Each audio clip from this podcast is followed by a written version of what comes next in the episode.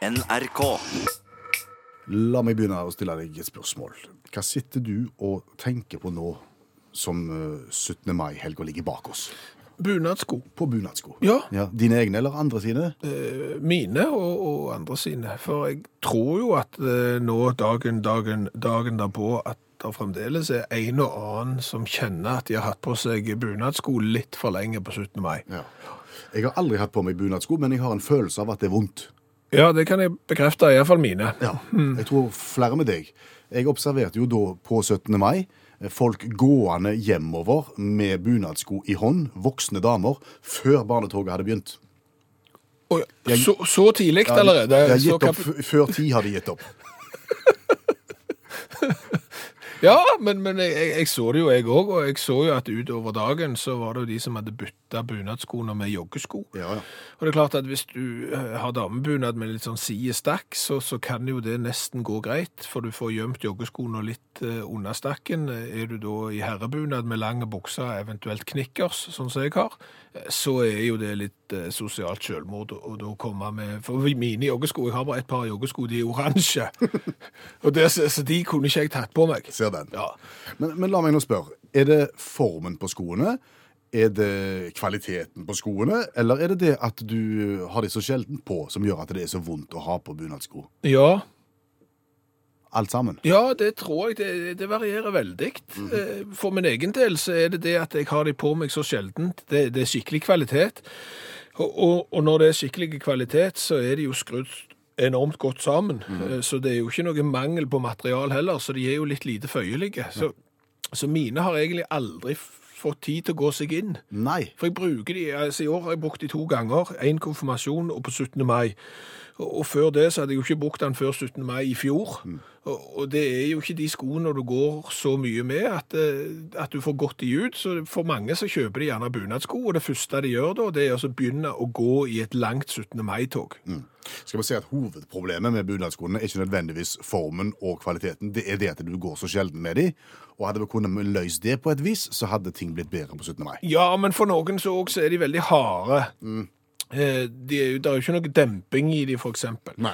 Så der er det òg litt grann problem eh, forbundet med, med, med bunadsko. Men la oss nå f- først se på problemet med at en bruker de så sjelden. Ja. Hvordan kunne en løst det? Nei, det er jo nettopp det. Ja. Fordi at hvis du kjøper deg andre sko som ikke er spesielt gode på foten sånn med en gang, Ja. det at du må gå de til, Ja, ja. for det er det skikkelig håndverk, de gjerne er sydd av en eller annen engelsk mann eller noe, da må du jo begynne å bruke de. Mhm. Så får du lide deg gjennom det en dag og to-tre og to-tre eksempel. Så vender både foten seg til skoen, og skoen ikke minst vender seg til foten. Ja.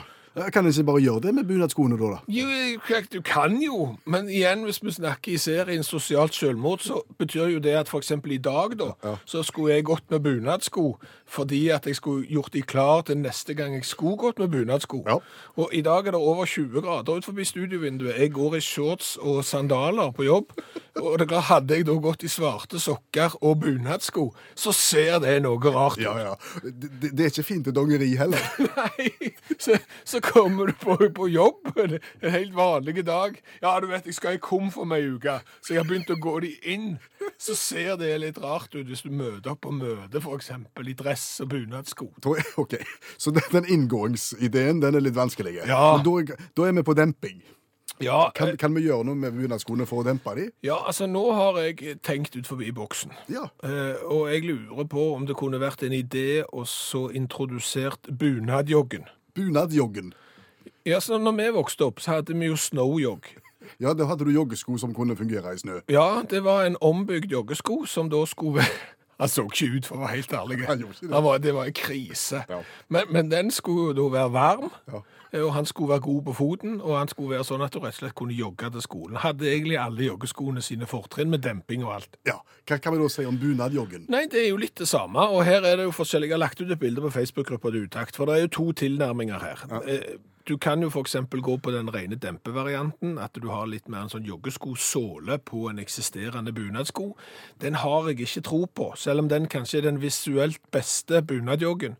Så har jeg ikke tro på den, for det er jo ofte den der stramme skinngreia og alt det som blir vondt og så gir gnagsår okay. og, press. Så det er en totalt ombygd en du egentlig tror mest på? Den har jeg mest tro på, det er jo med joggeskosåle. Ja. Eh, svart joggesko, der du monterer bare den der spenna og, og de tinga på, på vrista. Ja. Eh, og så må du ha borrelås, da, for du kan ikke ha, du kan ikke ha snøring på bunadjoggen.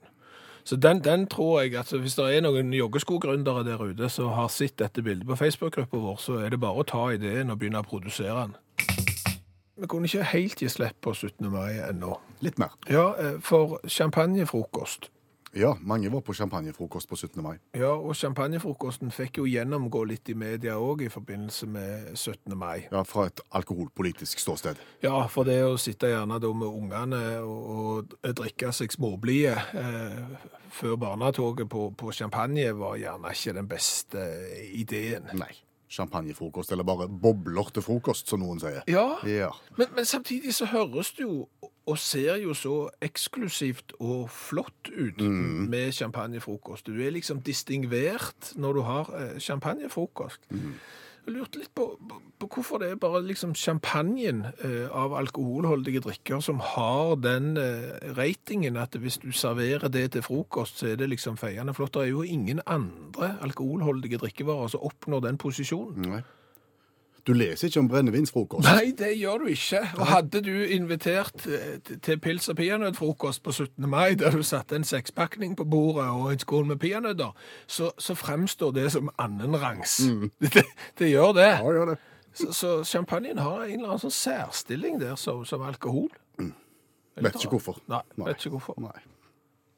Kan vi ta litt om notene og korpsmusikanter nå, før vi gir oss med 17. mai? Før vi legger 17. mai bak oss, Ja.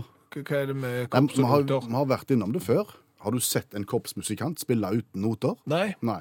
Ja, han på stortromma Ja, på- har jeg sett med. Bortsett fra han, så har alle, og jeg har reagert på det samme, at selv om du skal, da skal spille nasjonalsangen for ca. 32. år på rad, Ja, okay. så har du noter med deg lell. Ja. La oss si de spiller tre sanger da i løpet av hele toget. Hvis Ja, nå får du sikkert kjeft av noen eh, korpsmusikere, men det, det kan du men, Jeg tror ikke så veldig mange, for de går litt i loop. OK, greit. Ja. Men alltid, alltid, alltid noter. Ja, ja, ja. Går det ikke an å lære seg det utenat? Altså, jeg kjenner jo folk som spiller i band. Jeg. De har lært seg repertoaret på to timer uten at de Mm. det, det går, det. De, de De gjør vet det. hva de skal spille, men eh, spiller du i korps, nei, da er det pukka nødt til å ha noter. La meg, la meg dele et bitte lite bilde helt til slutt her. Ja. Av en liten tass som da gikk helt bakerst i sitt korps Mhm. og spilte antageligvis kornett, en sånn liten trompet. Okay. Han hadde da en sånn liten sånn flipp med noten hengende på, Ja, så han ja. ser rett på notene mens han spiller. Han er veldig konsentrert og spiller hvor hen du går i liv og, li og fjell. Å ja. ja, ja, og da måtte ha noter for å spille det. Ja, og, og, og, og intenst spiller han, ser han på notene. Ja. Problemet er bare at korpset, resten av korpset spiller alle fugler.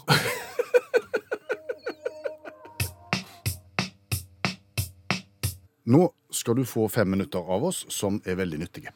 Ja, for det er jo gjerne sånn at eh, klassisk litteratur det er kanskje en sånn en dørstokk som det er litt vanskelig å, å komme over. Og så er det jo sånn at eh, vi vil jo ikke framstå som enormt dumme. Eh, så når andre har lest klassisk litteratur, så har vi òg lyst til å, å være i den båsen. Og det er her vi kommer inn og hjelper til i vår serie En ler deg en klassiker på fire-fem minutter. Ja.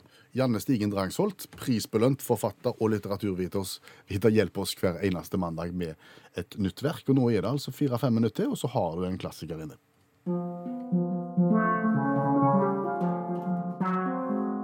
Mønsteret rakner fra 1958 av Chinua Achebe. Okonko liker ikke forandring. Det passer dårlig når den britiske kolonimakten gjør sitt inntog. Resultatet blir at mønsteret rakner.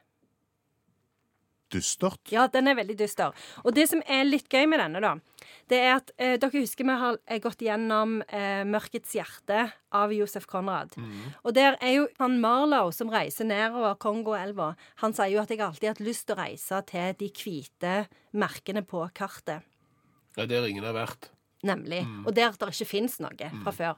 Så det Chinua Achebe mener da, er at eh, Josef Conrad sin roman er dypt rasistisk. Og han, Chinua Achebe, vil forklare hvordan det ser ut på de såkalte hvite flatene på kartet. For der var det jo plenty. Mangla ikke på verken kultur eller folk. Chinua Achebe viser oss hva som faktisk finnes av kultur og folk og eh, skjebner inne i den jungelen, da. Som er jo i Afrika, da. Ja, vi er det. Og, og forfatteren er afrikaner. Mm, han er fra Nigeria. Og dette blir faktisk regna for å være hele det afrikanske kontinentets mest leste roman. Så dette er en roman som har blitt lest av sykt mange mennesker. Den leses ofte sammen med eh, 'Mørkets hjerte', og da får du en veldig sånn eh, Som europeer så får du en veldig sånn eh, intens skamfølelse, fordi at det, det er jo ofte sånn at det, Afrika ble jo ofte omtalt som et land. Altså, vi, vi gjør jo veldig mange dumme ting. Vi er jo veldig ignorante. Og det, Tinua Chebe han pirker jo på denne ignoransen. Men samtidig så er det en veldig komplisert roman. fordi at det, det, det som skjer, det er jo at når den britiske kolonimakten gjør sitt inntog, så skjer det òg positive ting. Så det er ikke det at de er bare fæle og ødelegger det samfunnet. Det, det er endringen de representerer. Og endring involverer jo både positive og negative ting. Er dette en bok eh, alle norske misjonærer på 60-tallet burde ha lest? Ja, det er det. Og òg fordi at den gir et veldig sånn nyansert bilde av kristendommen. For at misjonærene er jo alltid et problematisk folkeferd. Eh, Men de har, gjør òg positive ting, for her driver de f.eks. med eh, sånn rituelle drap av tvillinger, og det slutter når kristendommen gjør sitt inntog eh, i dette samfunnet, da. Men er det på en måte en familie, en liten trupp, en følge gjennom disse endringene? Ja, det er en liten trupp. ja, det er det. Og, og Konko, han er han er òg en sånn dypt komplisert romanfigur. Du heier med han, men han gjør òg veldig veldig dumme, frustrerende ting, så du er òg litt sint på han. Så, så det, det, det er det som er så fint med denne romanen, er at han sier ikke at uh, dette er svart og dette er hvitt. Han blander det sammen og viser hvor komplisert uh, verden faktisk er. Når var den var fra, sa du? 1958. Og Afrikas mest leste bok? Ja, tenk det. Er det et sitat som er berømt herfra? Nei, eh, jeg har ikke jeg, jeg, jeg klarte ikke å finne et sitat. Men kan jeg heller si hvor tittelen er fra? Går det an? For dette eh, mønsteret rakner. På engelsk heter den 'Things Fall Apart'. Ja, Mønsteret rakner høres ut som en sånn strikkebok. Ja, det gjør så. Eh, men 'Things Fall Apart' den, det er tatt fra eh, et dikt av Yates, eh, den irske, irske poeten. Eh, og han har et dikt som heter 'The Second Coming', som handler om liksom når Kristus kommer tilbake. Og der sier han eh, 'mønsteret rakner', alt holder på å dette ifra hverandre. Men det som skjer når mønsteret rakner, og alt dette fra hverandre, det er jo at noe nytt kommer til syne. Og det er det som er på en måte eh, utgangspunktet for hele denne romanen. Klarer du å oppsummere dette? Egentlig ikke, men hvis du leser 'Mørkets hjerte', som er skrevet av en som er hvit, og du leser denne boka, som er skrevet av en som er svart, så vil du finne ut at eh, kanskje verden er grå. Det syns jeg var en kjempefin oppsummering. Og jeg syns alle bør lese den. Mønsteret rakner, en rett og en vrang. Jeg vet ikke, jeg kan ingenting om strikking. Nå, Nå ble jeg veldig usikker, men det er kanskje det. For du kan ikke bare strikke rett. Jo, Ja, kan du det? kan bare strikke vrangt òg. Jeg strikker rett og rank, hvordan ser det ut da? Da blir det midt imellom. Da blir det grått. Ja, da blir det grått Så skal du, ha- har du spørsmål om litteratur, ta kontakt med Janne Stigen Drangsholt. Har du eh, spørsmål om strikking, finn noen helt andre. Tusen takk, Janne Stigen Drangsholt, forfatter og litteraturviter. Tusen takk. Tusen takk. Vær så god. Jeg ble veldig stressa. Visste du at eh, 25% av nordmenn er dumme? Det hørtes mye ut, men du har belegg for tallene? Nei, det, det er en spissformulering her for å få folk til egentlig å åpne øynene. Når jeg da sier at en fjerdedel av, det norske, av den norske befolkningen er dumme, så er vel det egentlig ikke sant. Men iallfall 25% av nordmenn, om ikke mer, er et offer for den såkalte Dunning-Krüger-effekten. Det vil jeg iallfall hevde. OK. Hva er Dunning-Krüger-effekten for noe?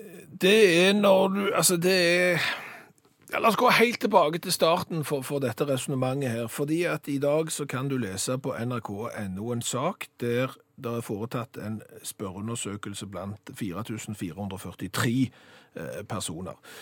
Der et av spørsmålene i denne undersøkelsen er om du mener at det er noen menneskeraser som er mer intelligente enn andre. Og 25% i denne norske undersøkelsen svarer da at de mener at det er noen menneskeraser som er mer intelligente enn andre. OK, er det de samme 25 som du mener er mindre intelligente? På, på en måte, eh, fordi at jeg mener jo sjøl, for eksempel, at jeg er langt bedre å kjøre bil enn gjennomsnittsnordmann. Mm, Det mener 98% av alle nordmenn. Nettopp. Og da er vi et offer for den såkalte Dunning-Krüger-effekten. Det at vi har overdreven stor tro på oss sjøl eh, på noen områder. Enten det gjelder bilkjøring eller f.eks. sang. Hvis du ser på en audition i en eller annen sånn Idol-konkurranse, så ser du jo der at det er noen som har overdreven stor tro på at de er flinke å synge, når de ikke er flinke å synge. Så du må på en måte være, ha en viss intelligens for å innse at du er dum, hvis du skjønner. Virkelig visdom er å vite hva en ikke vet, sa Sokrates. Ja, men det er svart, smart. Ja, han, han, du, du kan være enig i at han var ganske smart. han, han hadde mye for seg. ja. det, det kan du si. Ja, han ble en rasende god fotballspiller òg etter hvert. Ja, Sokrates, ja. ja han, ble, han ble god. Nei, men, men da ser du den Krüger-effekten i, i denne spørreundersøkelsen ser du tydelig. Under når 25% i en undersøkelse sier at det er noen menneskeraser som er mer intelligente enn andre, så har vi kanskje ikke helt den forstanden Vi, vi har overdreven stor tro på vår egen intelligens i, i forhold til andre sin. Kan jeg spørre hvem Dønning Krüger var? Ja, det var to stykker. Det, Og er det de- Dunning og Krüger? Ja, så de har, og det er ikke Caroline Krüger, så det, det har ingenting med Grand Prix å gjøre, eller sang og musikk i det hele tatt, men de har jo da, sett på denne, at vi ofte har en egen evne til å overvurdere troen på oss selv, og ikke helt se våre egne begrensninger, og så turer vi i gang, og gjerne kjøper oss verktøyskrin, og, og gjæringssag, og så skal vi bygge hus, og så blir det så skeivt at du må ringe til fagfolk etterpå. Ingen vet hvor mye man må vite for å vite hvor lite man egentlig vet.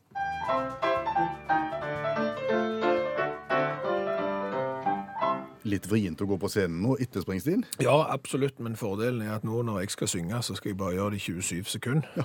Der jeg skal kommentere en, nyhetssak. Jeg må si at i, i dag så er jeg tilbake igjen i Kina. Og der har jeg ikke vært på lang, lang tid, eh, når jeg har funnet saker til revyvisa, men i dag sto det og vippet mellom to. To kinesiske. Ja, den ene var fra Henan-provinsen. Eh, Der er det da politiet har stoppet en bilfører fordi at han ikke har vært på den kinesiske versjonen av EU-kontroll. Det heter nok ikke EU-kontroll i Kina. Nei, det heter sikkert Kina-kontroll. Han har ikke vært på Kina-kontroll med bilen, og da stopper de han. Og så viser det seg jo da, når de stopper han for manglende Kina-kontroll, at han har en og annen eh, forseelse utenom det. Å ja, for de har sånne prikker i sertifikatet, ting. Ja, de har det. Han har, eh, han har da 196 trafikkovertredelser utestående. Han har da spart opp 206 prikker i sertifikatet. Det er mye, det. Ja, og du mister sertifikatet etter 12. og han hadde 206, så når de skulle skrive ut alle disse trafikkovertredelsene som han hadde utført, så gikk det med 9 av 4 ark. Det var en tre meter lang utskrift. Au. Eh, Så det tenkte jeg å synge om, men så fant jeg en litt annen artig sak. Og da ble det Ja, da, da ble det eh, en sak om hvor dumme går det an å bli når du er kjeltring. Men her må jeg bare få lov å advare, for dette var litt vanskelig å synge om. Blant annet prøv å få rytmisk til å synge intelligenskvotient, altså IQ. Det er ikke lett. Og legitimasjon og politistasjon, og det skal rimes, så blir det litt feil trykk. Ja. Så bare se i nåde til meg, så skal vi gå gjennom det.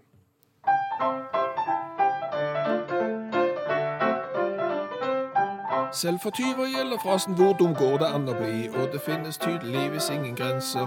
For skal du stjele ting og saker, drive litt bedrageri, da bør du ha nok intelligenskvotienter. Ta hotellfjernsynet, putte i en bag. En god start, men så kom postkassen med skjegg. For skal du stjele hotellting og unngå politistasjon, sjekke inn med egen legitimasjon. Det var en som Ja, ja det var mye. Det var dårlig rytmikk, men det var, det var en som stjal ting på hotellet. Ja, eh, og, og for, ideen er jo for så vidt god hvis du først skal stjele. Han gikk jo da inn på hotellrommet sitt eh, og hadde med seg en stor sånn en eh, Litt sånn blå pose som du får hvis du kjøper handler på Ikea. Ja. Sånn stort handlenett. Virkelig stort handlenett. Og der stappet han jo da eh, hotellfjernsyn oppi. Og så gikk han ut og snakket med betjeningen på veien, og alle tiders jovial med i Shanghai, da, på et hotell i Shanghai. Så finner jo eh, hotellet ut at å nei, det mangler TV der. Eh, Så har jo vedkommende ikke vært hvassere. Han har, for å si det sånn, han har ikke vært den sløveste kniven i skuffen, men ikke langt ifra. Han har nemlig sjekket inn på hotellrommet med eget navn oh, ja. og egen legitimasjon. Smart. Og da er det ikke lett å finne ut hvem som har gjort det. Utakt i NRK P1. Svar helt ærlig. Ja. Har du opplevd at enten mobiltelefonen, fjernsynet, stereoanlegget ditt, DAB-radioen eller sågar datamaskinen din plutselig bare har skrudd seg av? Helt uten å liksom Plutselig så bare skrur han seg av, og det er ingen batteri som har gått tom. Det bare skrur seg av. Det skjer. Det skjer. Det skjer. Dann og vann. Irriterende. Ja. eh, Hvordan reagerer du bare med irritasjon, liksom? Ja, det er sånn uff, hva var det? Ja. Så sk- skrur du på igjen. Så skrur du på igjen. Ja.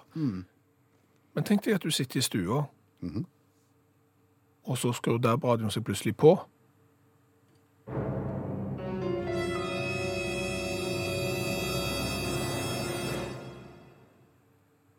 Da Da skjelver du i buksene. Da blir du litt eh, nervøs. Da begynner du å lure på hva i all verden var dette for noe? Hva var det nå som skjedde?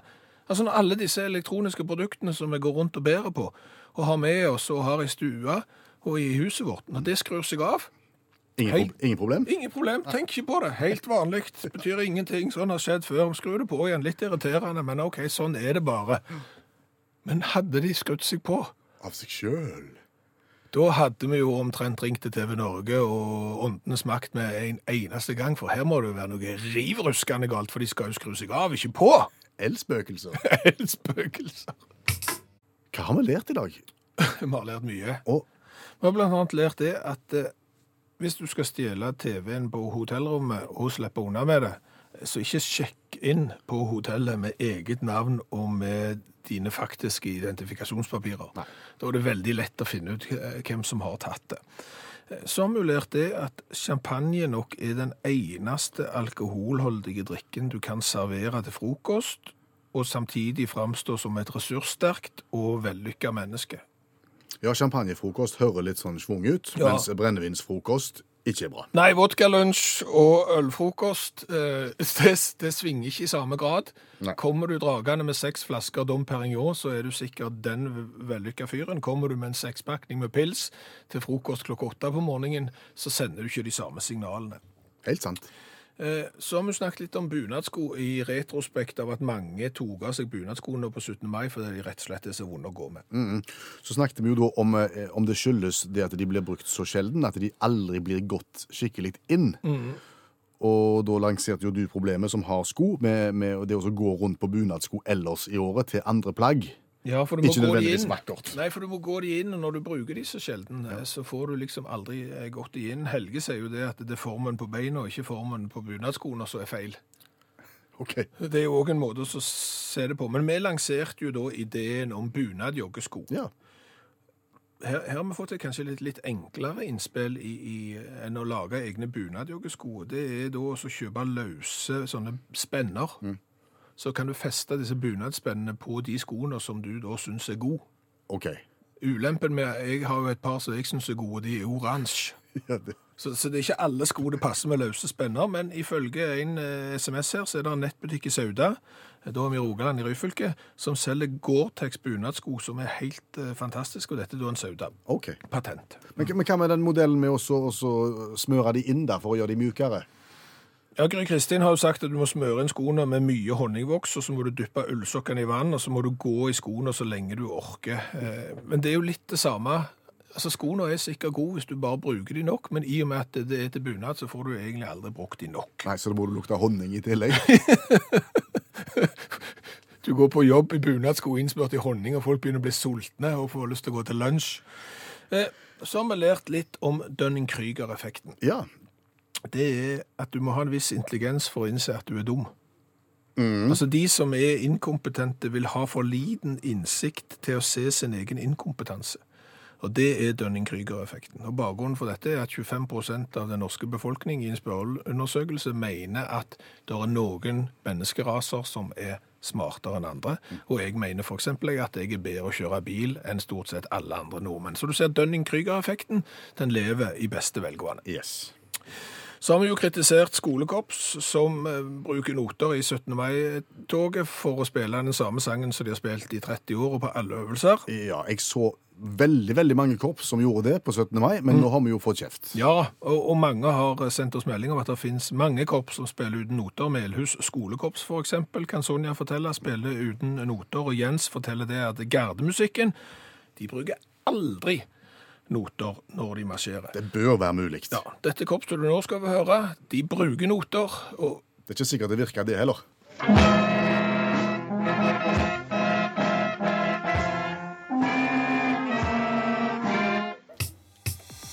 Hør flere podkaster på nrk.no podkast.